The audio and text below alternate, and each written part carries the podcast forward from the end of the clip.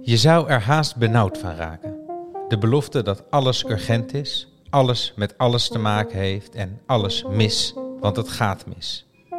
Je zou er haast benauwd van raken als je nooit wat anders hoort of ziet. Geef ons heden ons dagelijks al, onze verwondering, onze inademing. We willen niet langer benauwd leven, watertrappelend zonder kalmte, geluk en toebehoren, kunst en al het andere onverklaarbare. Dit is Kunsthart, de podcast waarin ik, Ko van het Hek, met mijn gast in gesprek ga aan de hand van hun favoriete kunstwerk.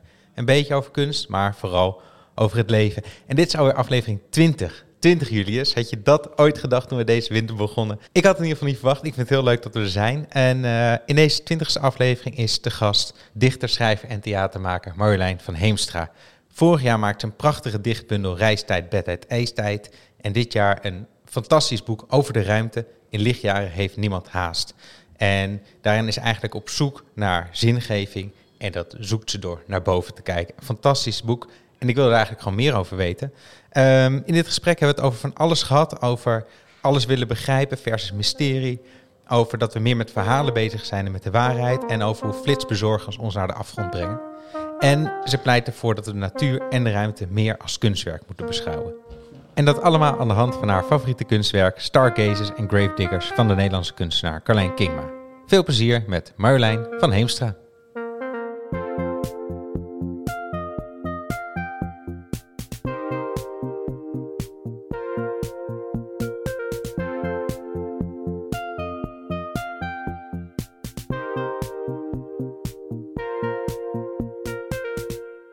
Marjolein van Heemstra, goed dat je er bent. Um, jij, schreef in je, jij schrijft in je laatste boek In lichtjaar heeft niemand haast, wat ik trouwens met heel veel plezier heb gelezen, um, dat niet alleen wetenschappers iets over de ruimte mogen zeggen, maar dichters ook. Of dat jij als dichter daar ook wat over mag zeggen. Hoe, ik vond het heel mooi, maar kan je dat uitleggen hoe je dat bedoelt? Nou, um, ik ben zelf best wel fan van de ruimte en heel erg geïnteresseerd in alles wat zich in het hele afspeelt. Maar ik heb altijd het gevoel gehad dat dat iets was voor wetenschappers, voor beta-opgeleide mensen. Dat ben ik niet. Ik ben echt een alfa. En uh, dat vond ik Jij jammer. Godsdienstweer, hè? Godsdienstwetenschappen, ja. ja. En, uh, en verder schrijf ik en ik maak theater. Maar dan, ja, ik heb, hou me dus nooit met scheikunde of natuurkunde of dat soort dingen bezig. Dus ik dacht altijd, oh ja, daar kan ik er niks over zeggen. En um, uh, in mijn boek doe ik dat wel. Er is een heel mooi citaat van Ursula K. Le Guin, sci-fi schrijver, die zegt... Um, wetenschappers die beschrijven de dingen heel precies van buitenaf. En dichters beschrijven de dingen heel precies van binnenuit. En eigenlijk is dus die synthese van wetenschap en poëzie, dan, dan heb je een zeg maar volledige blik. En tot mhm. die conclusie kwam ik ook uh, voordat ik dit boek ging schrijven. Dus ik dacht, oh ja, maar die blik is ook nodig van binnenuit. Ja, want waarom, waarom is dat waar, wat, wat, um, wat verliezen of wat, wat ontbeert als we alleen maar op een wetenschappelijke manier naar die ruimte kijken? Nou, dan blijft het altijd iets buiten ons. En ah, sommige wetenschappers kunnen wel heel goed die verbinding maken naar binnen. Dus die kunnen mensen echt verwonderen of uh, ja, enorm aan het denken zetten. Maar heel veel wetenschappers die, um, ja, die maken van de mensen een soort objectieve spiegel. En dat zijn we misschien deels, maar ook deels niet natuurlijk. En, en het, ik vind het heel mooi als die wetenschap en die enorme ontdekkingen die daar gedaan worden ook echt binnen kunnen komen. En je op een emotioneel niveau kunnen raken. Ja, en dat, en het raakt jou dus op emotioneel niveau, zo'n ruimte. Enorm. Ja, ja en hoe, hoe dan? Want voor mij, kijk, ik ben bedoel, ik ken de ruimte, tenminste, ik kijk ook wel eens naar, naar boven. Ja. Veel te weinig ook. Uh, kwam ik ook achter toen ik het boek las. Uh, maar wat, wat, wat vind je daar dan in? Nou, het, het onvoorstelbare toeval van ons bestaan. Dat al die natuurkrachten, die zijn zo ontzettend fijn afgestemd. Dat iets had maar één fractie anders moeten zijn. Van, en, dan, en dan heb je echt talloze elementen, die allemaal heel precies zijn afgestemd. En daardoor zijn wij er. Dat vind ik al zo'n verpletterend idee. Van de, de kans was zo waanzinnig klein dat wij er zouden zijn. En toch zijn we er. Als een soort van, dat maakt ons een soort wonder. Mhm. En dan vind ik ook het feit dat we uh, heel veel niet weten van de ruimte. Dat we eigenlijk niet precies weten hoe die oerknal nou eigenlijk is ontstaan. Of er daarvoor iets was. Of je überhaupt over ervoor kan spreken. Want er was waarschijnlijk geen tijd. Mhm, dus hoe mhm. praat je over een tijdloze plek? Nou, je komt in allerlei grote, uh, ingewikkelde vragen terecht. Die heel existentieel zijn. En dat vind ik heel prettig om op ja, een beetje dagelijkse basis af en toe even mee bezig te zijn. Ja, ja, want het, want het geeft dus ook. Want je schrijft ook in je boek, dat is ook omdat de, je zat in een soort, zelf in een soort tijd waarin je niet helemaal, waar je een beetje vast zat en misschien ook een soort zingeving zocht, een soort betekenisgeving. Mhm. En door naar dat hele grote te kijken, wordt het kleine op aarde minder belangrijk of minder erg Nou, of niet zo? minder belangrijk, maar wel je ziet de dingen wat meer in een perspectief. Dus eh, ik had zelf, ik begon met schrijven in 2019, toen ik best wel ja, heel veel benauwdheid voelde eigenlijk over de staat van de wereld. Nou, dat, die is niet afgenomen. ik las net nog in de krant dat de zeespiegelstijging toch nog sneller gaat dan we dachten. Ja, ja. En ehm, er is natuurlijk ontzettend veel aan de hand. Dus ik, ik denk dat we alle reden hebben om benauwd te zijn, eh, om urgentie te voelen. Maar ik wilde niet alleen maar benauwd, benauwenis en urgentie voelen. Ik wil ook gewoon kunnen leven, aanwezig kunnen zijn, kunnen uitademen. En eh, daar zocht ik een soort manier voor. En eigenlijk vond ik dat door me zo bezig te houden met het heelal. Omdat je dan heel erg gaat relativeren, enorm gaat uitzoomen. Dat je de hele mensheid wordt enerzijds veel meer bijzonder. Want kijk, we zijn er, ondanks al die eh, mogelijkheden dat er niet waren. En tegelijkertijd worden we heel eh, eh, nietig. Want wat zijn Mm. wij nou helemaal Mm. in die uitgestrekte ruimte? Dus ik wilde eigenlijk, ik wilde naast alle urgentie wilde ik iets anders. En dat vond ik daar. Want, want er is eigenlijk te veel urgentie. Alles is de hele tijd maar urgent. Ja, we gaan razendsnel, Ja, toch? je Het wordt is helemaal niet gek te van. doen. En dan heb je nu weer nog zo'n bezorgservice dat je in twee seconden een mars of zo. ik, gewoon, ik stond vanochtend naar het bord te kijken. Wat was het nou? Eh, iets van eh, eh, willen, bestellen, krijgen of zo. en Oh ja, ik dacht, ja, dit is een soort kort verhaal over de ondergang van de mensheid. Ja. Dit is hoe we gewoon ten onder gaan aan al die bezorg, die flitsdingen. Ja, nee, het, ja, nee, het is ongelooflijk. Maar inderdaad ook een soort van... Ja, er zit zo'n maakbaarheidsidee ook achter. Of een soort van, als je iets wil, dan kan je het krijgen ook. En dat is ook Ja, dat. super beklemmend op een of andere manier. Ja, en alsof je alles dus, inderdaad, alsof je alles kunt toe-eigenen. Ja, En dat is zo'n, dat is de, de hele eh, mentaliteit die ons in grote problemen heeft gebracht. En ik vind het echt, echt helemaal bezo. Ik moest gewoon lachen om die reclame vanochtend. Ik dacht, dit kan niet. Dit Ja. kan niet in deze Ja, tijd. ja. Je, zegt, je zegt even in de bijzin, dat is wat ons alle problemen heeft opgeleverd. Nou ja, kijk, dat, dat gevoel dat we ons alles kunnen toe-eigenen. Ja. Dat de wereld van ons is. Dat, dat er geen kosten verbonden zijn aan eh, dingen nemen die je misschien helemaal niet nodig hebt. Dat is natuurlijk wel een idee waar we, waarmee we de, zo de afgrond in zakken. Want we hebben gewoon veel te veel verbruikt in een veel te korte tijd. En dat komt ook doordat we zoveel haast hebben. Als je heel veel Ja. stress hebt, dan ga je veel meer verbruiken. Hè, als je tijd neemt, dan, dan heb je altijd die koffiebeker bij. Ja, ja, ja. ja. Even een heel klein detail, maar dan leef je gewoon veel duurzamer. ja, ja. En die stress maakt dat we ontzettend veel eh, weggooien de hele tijd. En goed, nou we komen vast straks nog terug op stress ook. Maar we gaan het ook over kunst hebben, Ja. want daarvoor, hè, het is immers kunsthart. Ehm, we hebben jou gevraagd wat je favoriete kunstenaar of je favoriete kunstwerk is. Dat is eh, een werk van Carlijn Kingma. Gaan we het zo over hebben. Maar voordat we dat gaan doen, gaan we eerst als elke aflevering luisteren naar Emma Waslander. Zij neemt ons in twee minuten mee door het werk en het leven van de kunstenaar.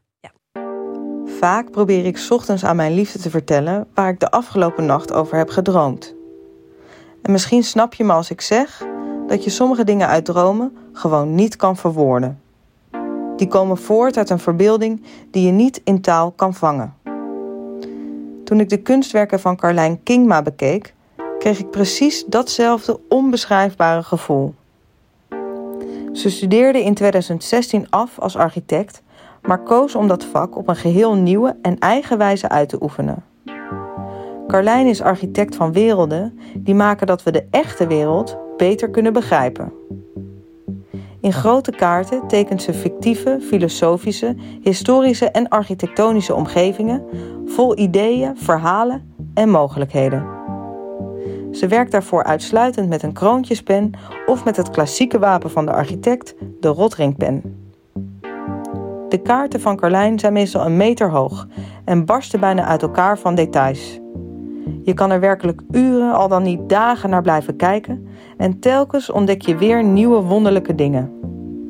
Zo zie ik bijvoorbeeld natuur en uit zichzelf groeiende organische, onherkenbare vormen in gesprek met de strakke lijnen van muren, bruggen en bakstenen die door mensen zijn gemaakt. Hele precieze tekeningen waar verhalen meerdere dimensies krijgen. Ik gebruik architectuur om te laten zien hoe de wereld er ook uit kan zien, zegt Carlijn.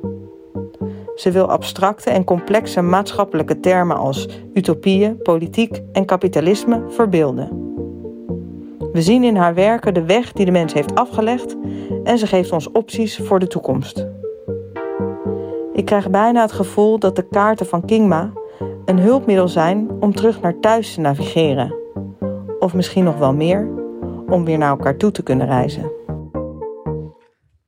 En het werk dat jij uh, ervan hebt gekozen is, uh, moet ik goed zeggen, Stargazers en Gravediggers 2018. Um, en ik vraag normaal aan mijn gasten om het in detail uit te leggen hoe het kunstwerk eruit ziet. Alleen dit, ja, hier zit zoveel detail in. Dat, uh, dat kunnen we niet doen. Dan, dan duurt de podcast veel te lang. Dus in vogelvlucht dan. Wat is het voor kunstwerk? We hoorden Emma net al even. Het is een groot werk, kroontjespen. Ja. Ja, je ziet volgens mij eigenlijk de hele geschiedenis van de mensheid. Um, dus daar achter, achteraan op de tekening is, de men, is er een soort eenheid tussen mens en natuur. En dan langzaam uh, zie je eigenlijk hoe in de geschiedenis zo de mens en natuur, hoe daar een kloof ontstaat. Um, je ziet. Uh...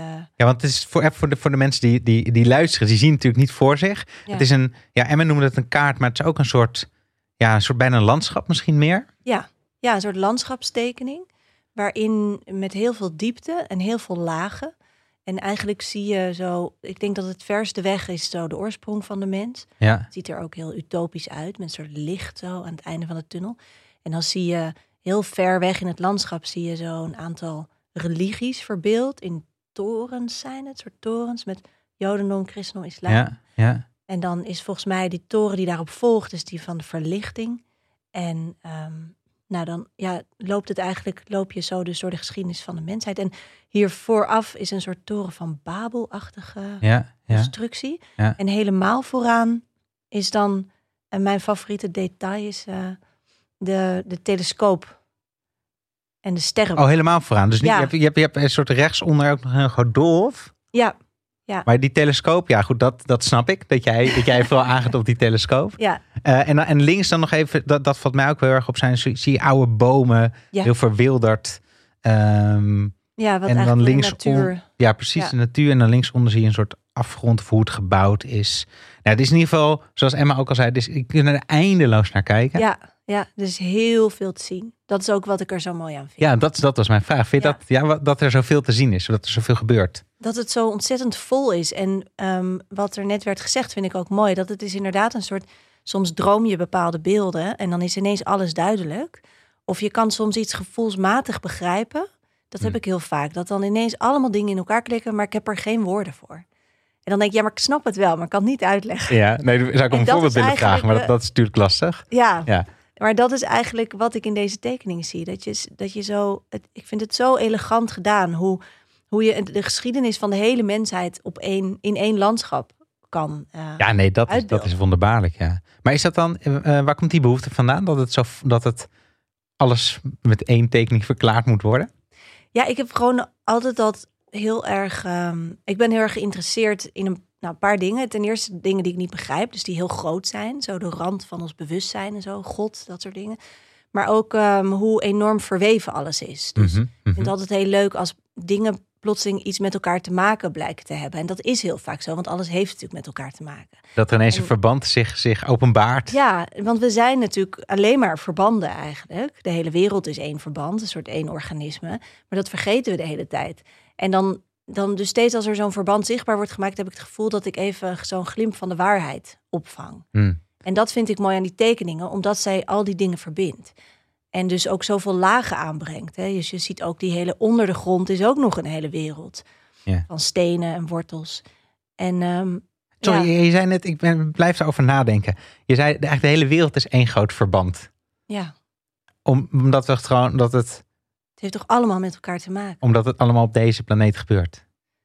Ja, Of- en in deze ruimte. Maar ook omdat letterlijk alles afhankelijk is van elkaar. Dat zien we natuurlijk ook met die klimaatontwrichting. Je doet één ding en ergens anders gebeurt iets. En dat kan je heel vaak niet overzien als mens, omdat je die verbanden niet helemaal snapt. En ik denk ook dat we sommige verbanden zijn vergeten. En Mhm. dat we vroeger misschien meer eh, intuïtief verbanden aanvoelden, waardoor sommige dingen deed je gewoon niet, want dan werd die en die god boos, weet Ja, je wel. Maar ja, dat was denk ik een soort intuïtieve wijsheid van we moeten niet te veel rommelen daarmee. En dat hebben we allemaal overboord gegooid. En dan krijg je een soort disbalans, waardoor eh, eigenlijk dat weefsel gaat ontrafelen. Dus, dus, dus, maar dan is dan de, de, de doodverklaring van God heeft dan ook te maken met hoe we nu met de aarde omgaan? Is dat, dat omdat we die verhalen ook die verhalen eigenlijk weg, weg hebben gedaan?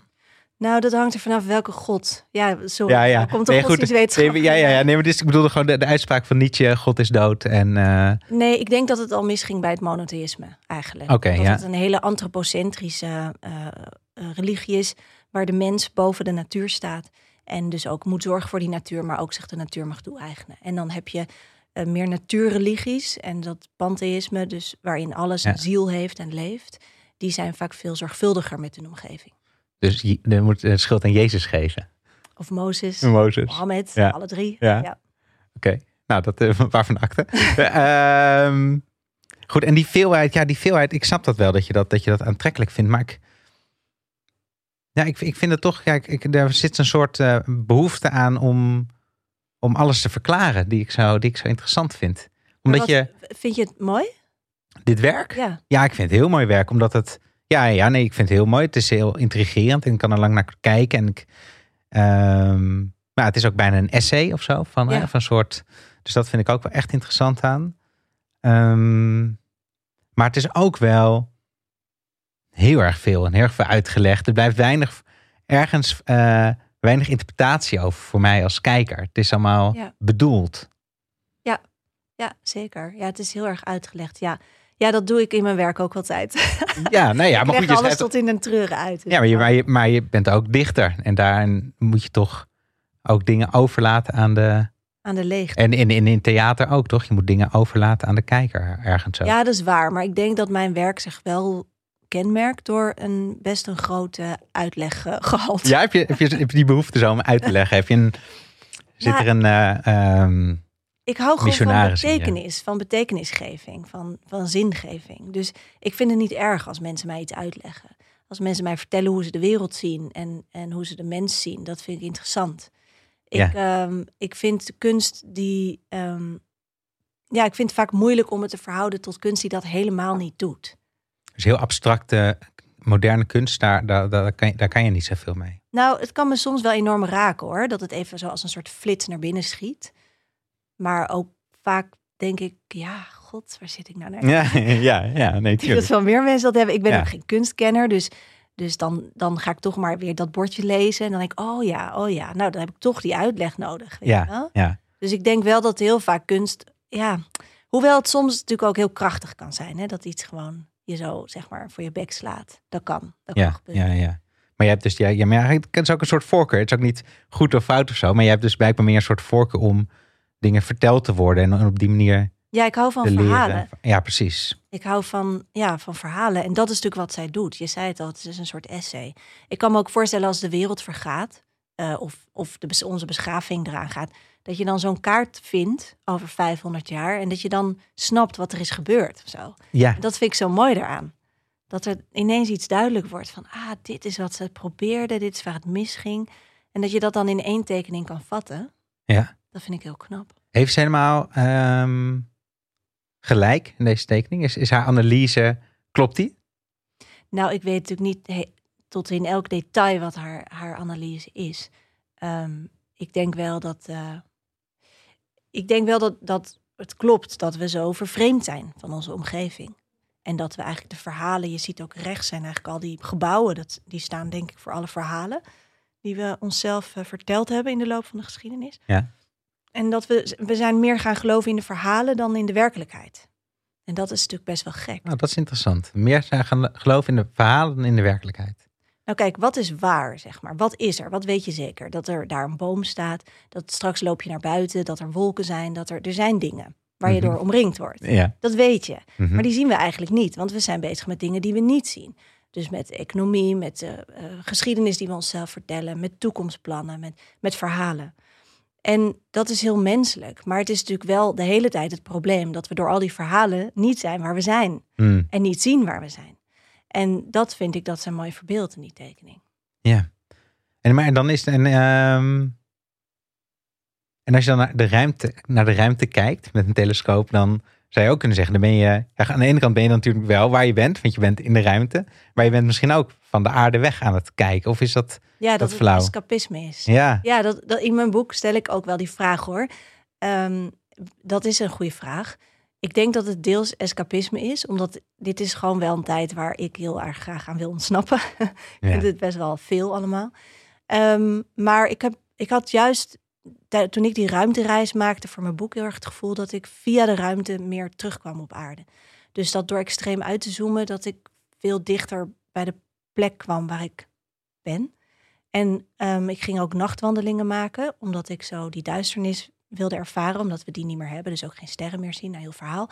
Maar grappig genoeg heb ik door die nachtwandelingen ehm, ben ik dat nog meer gaan ervaren. Want s'nachts ben je dus heel erg waar je bent. Hmm. Want dan ben je in de hele wereld. Dus het licht geeft je de plek waar je bent, maar de duisternis geeft je gewoon de wereld. Want er zijn Want je kan overal zijn. je kan overal zijn. En, en tegelijkertijd ben je heel erg op die plek. Want je gaat enorm luisteren, ruiken. Elke stap is er één. En ja, dus ik heb wel het idee dat die ruimtereis mij, mij thuis bracht of zo. Even plat gezegd. Ja, ja, ja. Ja, want je, want je, je schrijft erover in je boek. Je gaat dan naar in Amsterdam-Noord, in het Vliegenbos. Ja. eh, de donkerde in. Dus nou, een klein soort stadsbos. Ja. Ehm, maar waarin je dus echt dan verdwijnt eigenlijk op dat moment. In die donkerte. Ja. Waarbij je ook, denk ik, misschien wel door een soort arouse of een soort angst inderdaad je, je zintuigen openstaan. Ja. En dat is dus echt een ander soort ervaring dan overdag daar doorheen fietsen. Totaal, ja. Ja, eigenlijk kan je soms door ergens te verdwijnen, kan je dus meer aanwezig zijn, denk ik. En wat ik wel mooi vond in ehm, de uitleg die zij bij die thema, want grappig, deze tekening legt heel veel uit, maar dan heeft ze ook nog een enorme uitleg op de website Ja, nee, dus onder die tekening. Ja, nee, er zit, er zit een linkje in de show notes naar, naar, naar het werk. En je kan als je Ja. naar beneden scrolt, ja, dat, is een, dat hele Alles essay is eigenlijk uitgelegd. Ja. Ja, Dus dat vind ik wel leuk. Ehm, maar dan, dan staat er ook dat die sterrenwacht, eh, dus onderaan, ja precies, die sterrenwacht. dat dat een soort oplossing zou kunnen zijn eh, voor mensen om ehm, ja, een, een nieuw perspectief te vinden. Zo van, misschien moeten we... En zij beschrijft het volgens mij bijna als een nieuwe religie. En ik las toevallig, heb jij dat boek gelezen, The Ministry of the Future? Of For the Future? Nee. Oké. Ehm, dat is een heel tof boek. Veel te lang, maar er zitten hele goede ideeën in. Het is sci-fi, maar het speelt over 20, 30 jaar. En dan Maar fictie. eh, het is ja, fictie. Ja. Ja. En, ehm, maar het gaat dus over hoe we die klimaatontwrichting, hoe we daarmee omgaan en zo. En een paar oplossingen zijn heel interessant. En eentje is dat dan de hele mensheid op een gegeven moment besluit, een groep mensen, van we hebben gewoon een religie nodig, maar een natuurreligie. Hmm. Ze moeten weer van de aarde gaan houden op een religieuze manier. En, eh, en dat werkt dan dus. Maar je moet dat boek even lezen, want Ja, dan ja. of even. Ik heb er een week over gedaan. Maar dat vond ik zo'n interessant uitgangspunt. En dat vind ik dus ook grappig dat zij dat in haar werk ook zegt. Van, je hebt eigenlijk een soort religie nodig. En misschien dan de ruimte als religie, de sterren als religie. Dat De maan. waren ze natuurlijk ook, de maan. En dan ben je bijna weer terug bij af. Want waar begonnen de verhalen? Ook met naar de sterren kijken. De sterrenbeelden zijn de oudste verhalen van de mensheid. Ja. En die ons ook verbinden met al die generaties. ja, ja, ja. En eh, dat vind ik dus een heel interessant idee. En ik heb zelf ook met die nachtwandelingen ook echt het gevoel dat het voor sommige mensen, want ik neem ook mensen mee, een soort spirituele ervaring is. Mm, Van, mm. Je bent even verdwijn je. Wanneer verdwijn je nou nog? Weet je wel? Je Nee, zeker. Ja, En- ja. Ja, en ik denk dat dat, dat dat iets is waar veel mensen op dit moment behoefte aan hebben. Ja, ja het is interessant. Ik, ik moet denken aan het eh, werk van Harmut Rosa, een Duitse filosoof, socioloog. Ken je de- en zijn werk? Nee. Hij heeft een heel mooi boek geschreven over resonantie. Ja, Ook eigenlijk, eh, het heet voor mij ondertitels Leven in tijden van versnelling. Of dat is de titel. Het gaat over resonantie. ja, En hij zegt eigenlijk, hij heeft eenzelfde soort analyse als ja, ja, de wereld gaat te snel en steeds sneller. Zo snel dat in een soort, eh nou, waarin het zo snel gaat dat, dat er eigenlijk ook weer stilstand ontstaat. ja, Ehm, en hij zegt, ja, we hebben een, om daar toch, toch een soort zingeving in te vinden, zijn eigenlijk drie wegen.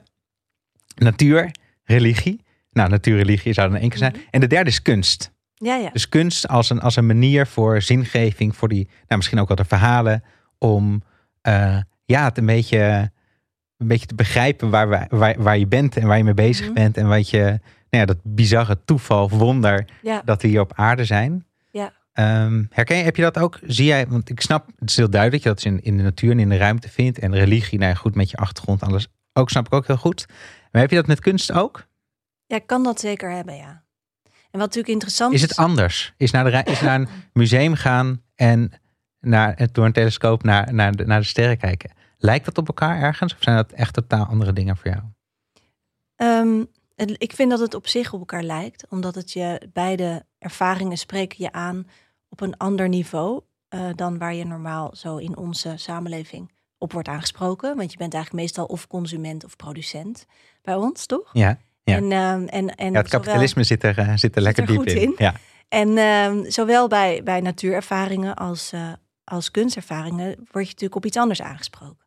Op een soort diepere, diepere laag. eh, of een soort samen zijn of eenheid of nou, wat het ook is. Mhm. Maar ehm, het verschil is denk ik dat kunst door mensen gemaakt is en de natuur niet. Hoewel heel veel natuur in Nederland wel door mensen gemaakt Ja, is. ja. Maar dus, dus ik vind misschien natuur, de natuurervaring een soort overtreffende trap, omdat het ehm, je ook nog een soort nederigheid kan geven, die Hmm. kunst je niet geeft. Want we kijken al de hele dag naar alles wat door mensen gemaakt is.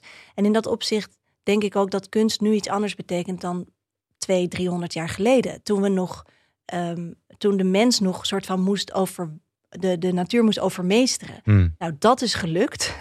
En, en nu zou je bijna, wat ik een hele interessante stroming vind, is zo die eco-art. of ja, ik weet eigenlijk niet of het zo heet. Nee, ja. Eco-art, ja. eco-art, nieuwe Ja. stroming. Je hebt best wel veel mensen die nu, ehm, er was ook op het Holland Festival bijvoorbeeld, was ook een nachtwandeling door een bos, was een voorstelling. Ah ja, precies. En, en eh, of die, die wandelingen of natuurervaringen als kunst presenteren. Wat ik heel grappig vind, dat is ook een onwijze omweg of zo. Ja, ja, Maar dan heb je een kunstbudget om het te doen. ja. Eh, het is Die ruime kunstbudgetten die er zijn. Ja, ja. precies. Ja. Maar het is natuurlijk gek dat het zo ehm, wordt, dat, er, dat, dat het zo wordt afgescheiden van elkaar. Het zou mooi zijn als we natuur meer als kunst zouden gaan bekijken, denk ik. Als iets wat ons kan ontroeren, wat Mm. ons kan vertragen, wat ons kan verbinden. En nu is natuur ook heel vaak functioneel. Natuur is functioneel. Nou ja, het zijn toch heel vaak zijn er dan fietspaden of hardlooppaden of ehm, je moet uitwaaien of je moet, weet je wel, je, je moet ook vaak in de natuur zijn om op te laden, zodat Ja. je daarna weer lekker aan het werk Ja, kan. ja. Even eruit. Ja, en, Ja. en eigenlijk zit je niet zo vaak, en dat, dat is wel dus in zo'n nachtwandeling, dat je gewoon echt bent overgeleverd aan de natuur. En dat je, of natuur, maar goed, aan de omstandigheden. Mhm, En mhm. dat je jezelf echt kwijt bent erin. En dan ga je denk ik op een andere manier luisteren. Ja, nee, het is een totaal andere ervaring volgens mij. Eh, Ja. Als je, ik was deze zomer een week in de bergen in, eh, in Italië. Ja, dat is, ja, die, dat is zo groot en zo, ja, je, je kan niet anders dan nederig van worden. En dat is ergens, ja, ik, ik begreep dat vroeger nooit. Dat wat nederigheid, dacht ik, ja, wat, dat je wilt toch juist je groot voelen en machtig voelen. Mhm. Maar in die, in die nederigheid zit zoveel meer, ja, zit een- zo'n ander soort waarde. Een soort, ja, hoe zou je dat omschrijven? Wat is, wat is er zo fijn aan nederigheid? Nou, er is veel onderzoek naar gedaan. Oh, heel goed, ja. Dit Vertel. soort natuurervaringen van dus overweldiging, die geven je gevoelens van kalmte, geluk en toebehoren. heel dus goed. eh, dat heb je, en dat heb je als mens best wel nodig. En ik denk dat wij als, in Nederland heel erg onderschatten dat we dit niet hebben.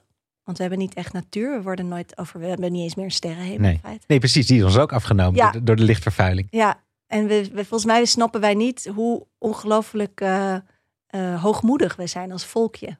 Omdat we niks steekt boven ons uit. Wij zijn de baas. Wij zijn, hier zijn wij de Ja. baas, ja. Het is er ook zo, ik weet niet, het is een van de dichter ook, denk ik toch, dat eh, God schiep de aarde en, Nederland, en Nederlanders schiepen Nederland.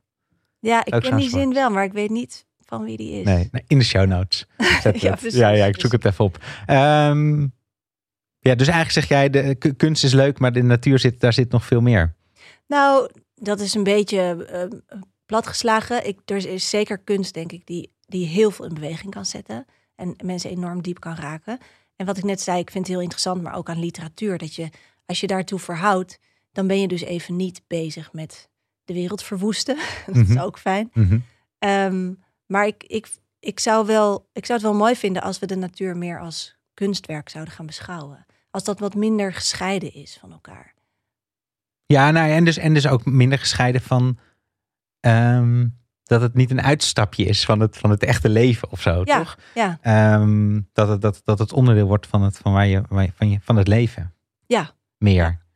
Ja. Ehm, maar dat heb ik met kunst ook wel een beetje, moet ik zeggen. Dat ook veel mensen dan af en toe een keer op zaterdag Ja.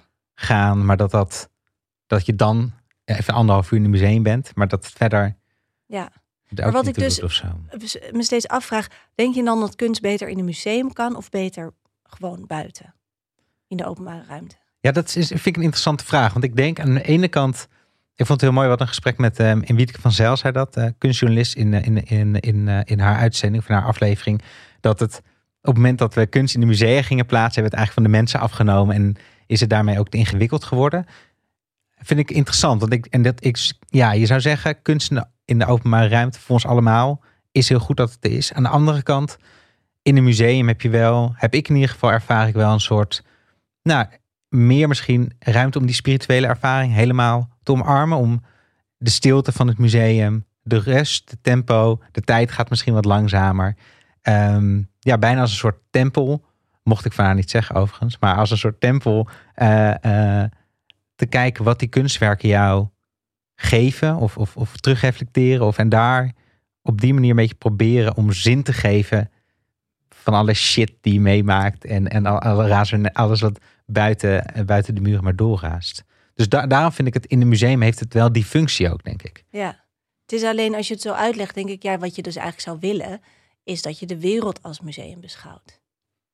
Dat die ervaring die je hebt, de manier waarop je. De, dus je stapt daar de drempel over en plotseling ga je anders kijken. En je gaat vertragen en je gaat je verhouden tot wat je ziet om je heen. Ja, maar het is ook best wel logisch om gewoon een plek te hebben om voor verstilling. Toch, dat is dat, is, dat hebben alle, alle volkeren altijd gedaan, denk ik. Ja, wat van oorsprong natuurlijk de kerk was. Precies, heilige, precies. Heilig huis, ja. Ja, ik weet het ook niet hoor. Maar, uh, want met theater vind ik dat dus ook een ingewikkelde vraag. Ja. Van moet je nou nog die zaal, in die zaal blijven?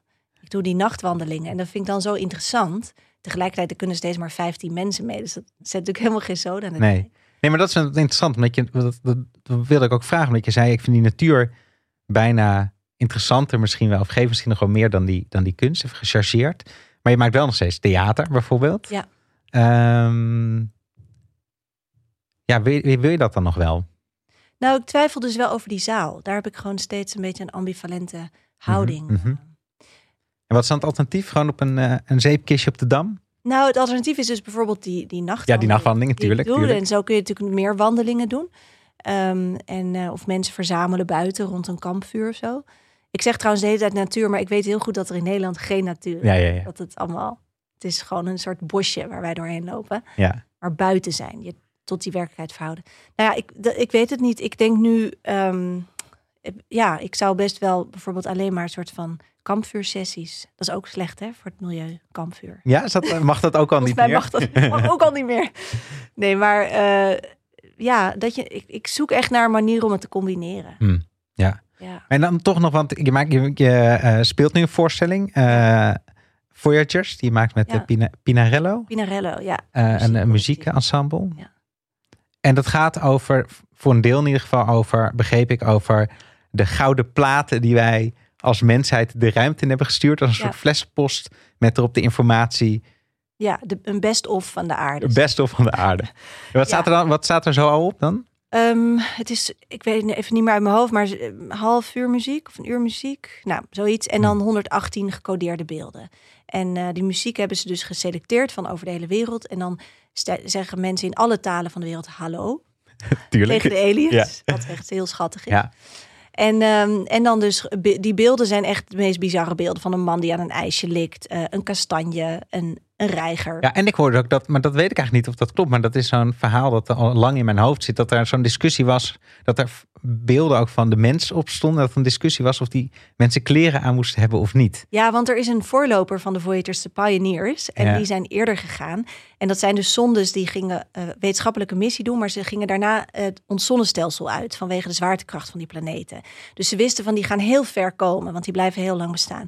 En die, die, ehm, die Pioneers, daar stond een afbeelding van een naakte man en naakte vrouw. Ja. En daar werden dus de Amerikanen, het was door de NASA gedaan, Ja. die werden woedend. Want die zeiden van ja, ons belastinggeld is niet bedoeld voor porno naar de aliens. Dat stond letterlijk in de Oh, krant. echt? Oh, ik dacht zoiets als van. Oh ja, porno, ja. Nee, ik had Ja. zo'n zo'n zin in mijn hoofd dat die aliens niet moeten denken dat wij in ons naakje, naakje rondlopen hier de hele tijd. Ja, dat vonden ze gewoon, dat vonden ze vreselijk. En Ja. dat, een- het was een eerste indruk, werd er dan ook gezegd. Ja, dat moet een goede indruk zijn. Ja, ja, Alsof die dan echt ook onze ogen hebben en dat zo zien. Dus dat is ja, ja, ja. heel absurd. Maar het gaat eigenlijk over hoe willen we herinnerd worden? Hoe kijken we naar onszelf? Hoe keken we toen in 77 naar onszelf? Mensen willen nu alweer een update sturen, wat ik Oh ja. grappig vind. Ja, ja. Zo krijg je op een of andere planeet flessenpost die een miljard jaar over heeft gedaan. Dan krijg je 30 jaar later een update. Of we zijn toch anders ja, we ja, dachten. ja. ja. Maar, en, maar dit werk van, van Klein King, maar je zei net dat, dat je het een mooi idee vond dat als de mensheid niet meer bestaat en dat dit dan gevonden wordt. Zou je dit dan ook op zo'n op zo'n eh, golden disk willen zetten? Moet dit mee in de update? Ja, ik denk dat dit wel uh, meer representeert waar we nu staan. Op die Golden Records destijds is helemaal niks gezegd over uh, klimaatontwrichting of, uh, of over eigenlijk überhaupt niks negatiefs. Het was alleen maar, want dus wat moest een goede indruk zijn. Dus het was heel, allemaal heel gezellig en lachende mensen. En, een soort Tinderprofiel van de aarde. Ja, totaal ja. Je best met een grote vis. Ja. Maar um, dus, dus het is een heel gekke weergave van wie we zijn. Ik denk dat een tekening als deze veel duidelijker maakt waar we staan. Ja, ja. ja het, is, het is, ja, en dan dus die. En het is wel interessant dat dus daar dan dus ook toch dan weer die, die sterrenkijkers op staan. Ja.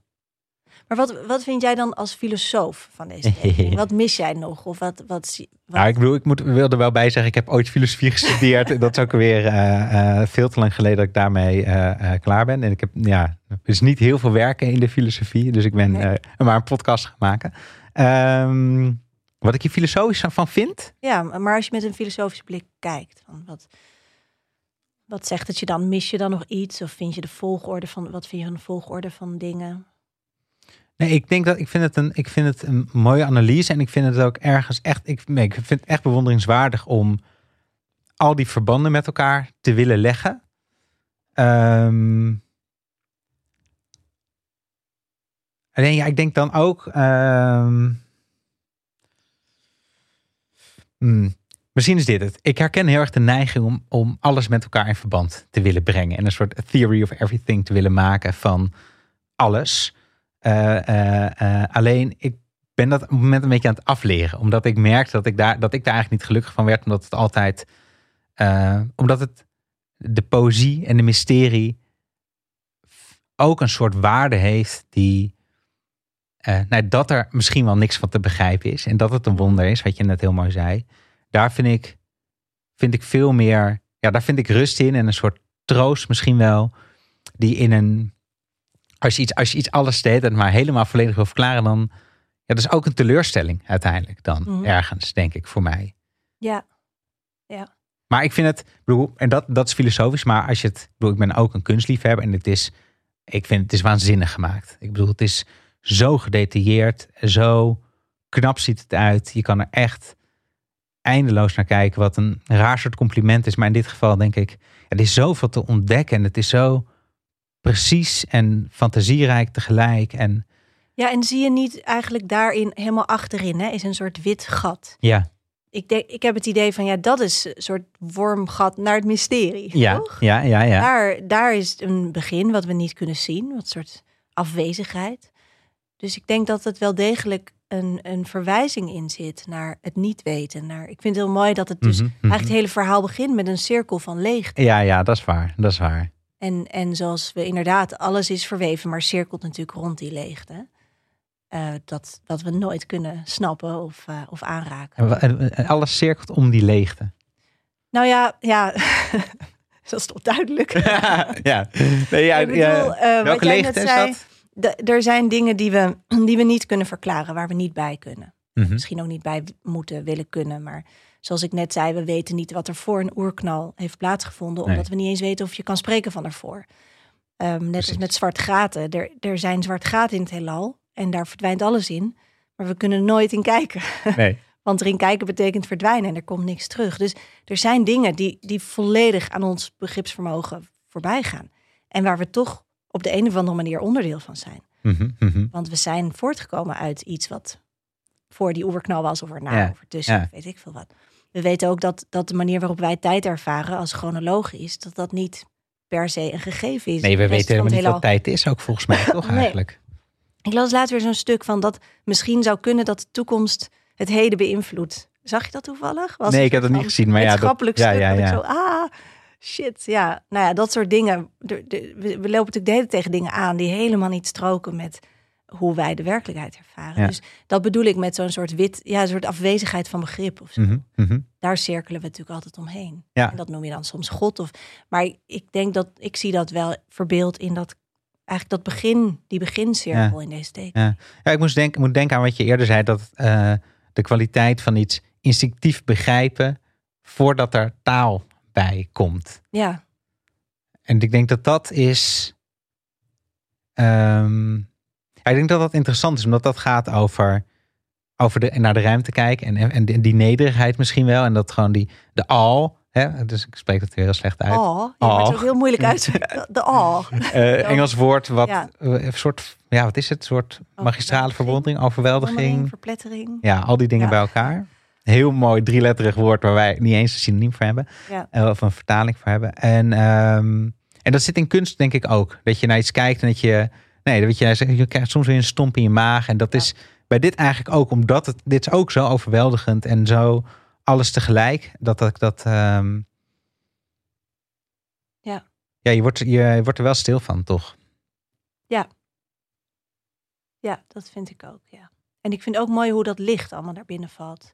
Want er is klaarblijkelijk dus ook nog iets buiten die tekening. Ja. Toch? Iets wat er licht op schijnt of zo. Ja. Ook een soort groter, ja, grotere aanwezigheid. Ja, ja. Nee, goed, daar is die sterrenwacht natuurlijk ook voor gebouwd. Precies. Om daar Denk naar te ik. kijken. Om daar naar te kijken, ja. ja. Heel goed. Ik wil je heel erg bedanken dat je hier wilde zijn. Ik ga, ik ga, ik, ik ga nog even doorkijken ook. Maar uh, uh, nee, dankjewel. Ja, ook, dank. Stargazers en Gravediggers van Carlijn Kingma zit in de privécollectie van collega-kunstenaar Joep van Lieshout en is dus nu niet te zien voor publiek. Een ander werk van Kingma is wel te zien, namelijk in Droog in Amsterdam tot en met 12 januari 2022. Vond je dit nou een mooi gesprek? Volg ons dan in je podcast-app om geen aflevering te missen en laat alsjeblieft een recensie achter. Volg ons op Instagram, kunsthartpodcast, voor nog meer kunst in je feed. En als je fan bent van Kunsthart, word dan alsjeblieft ook vriend van de show. Voor maar 2,50 per maand steun je ons enorm en krijg je bovendien nog wat leuke extraatjes. Deze podcast werd gemaakt door mij, Co van het Hek, samen met redacteur, producer en potentaat Julius van het Hek, in samenwerking met Dag en Nacht Media en Tabernacle. Emma is Emma Waslander, de muziek van Ed Bahoni en het artwork wederom door Joey Andela. Dank jullie wel. En dank Marjolein voor het interessante gesprek en Carlijn Kingma, ook jij bedankt voor het eindeloos fascinerende werk. En jij, lieve luisteraar, ja ook bedankt voor het luisteren. Tot volgende week, dan praat ik met cabaretier en podcastmaker Pepijn Schoneveld, bekend van Pep Talk met Pepijn Schoneveld, aan de hand van een foto van Henri Cartier-Bresson. Tot dan.